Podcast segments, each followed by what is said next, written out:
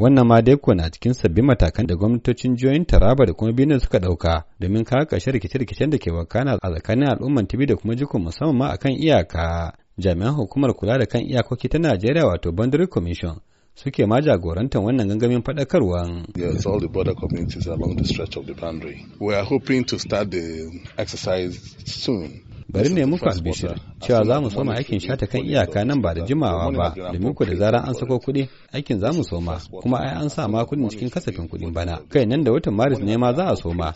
A don haka ne ma aka soma wannan gangamin na faɗakarwa a cewar jami'in hukumar shata kan iyakan. So we are hoping that either in March or April we'll start the exercise. Yayin wannan gangami da aka gudanar a kan idanuwan mataimakin gwamnan jihar Benue injiniya Benson Abunu da mata kwaransa na Taraba Haruna Manu shugabannin al'umman jikun da kuma Tibi duk sun saba layar kawo ƙarshen wannan tashe-tashen hankulan da ke faruwa kan iyaka tsakanin al'ummomin biyu. Da farko ma dai ga mataimakin gwamnan jihar Taraba Haruna Manu. Mutanen Benue da Taraba mu yan uwa ne kuma za mu ci gaba da zama yan uwan juna. Kawai ana so ne a ja wannan a san iyakaci. Saboda yawan gwamnatin jihar taraba ta tashi ta ce za ta yi wani abu duk abin da za a yi ta san cewa ga iyakanta nan. In za a kawo asibiti mun san cewa daga nan abin da ya kama zuwa nan iyakacin namu kenan jihar taraba. Daga nan kuma abin da ya kama zuwa can ya zama a jihar benue state. Ba wani abu ba ne ba wani abu wanda ya wuce wannan. Ba wai kowa na so a raba mutane ba ne shi kuwa mataimakin gwamnan jihar benue injiniya benson abunu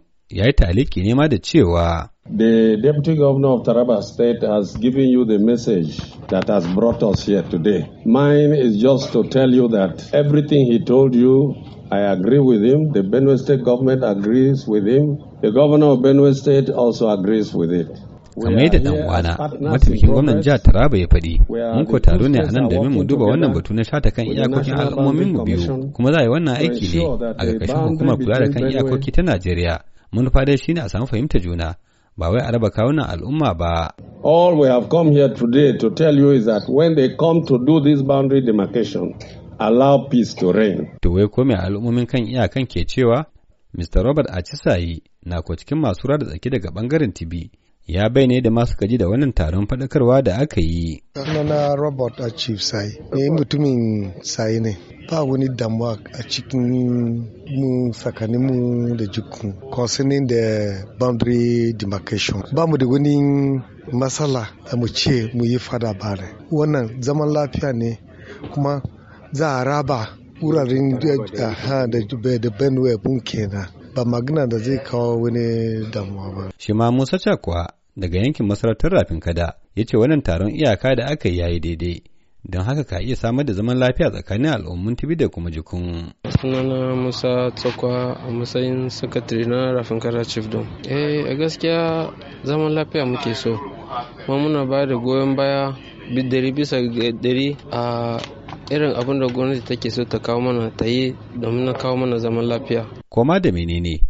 Fata ko shine Allah sa kulla ta biya kuɗin sabulu ko a samu a rage tare hanya da kuma kai wa juna hari Ibrahim Abdul Aziz sashin Hausa na murar Amurka daga Jalingo a Najeriya.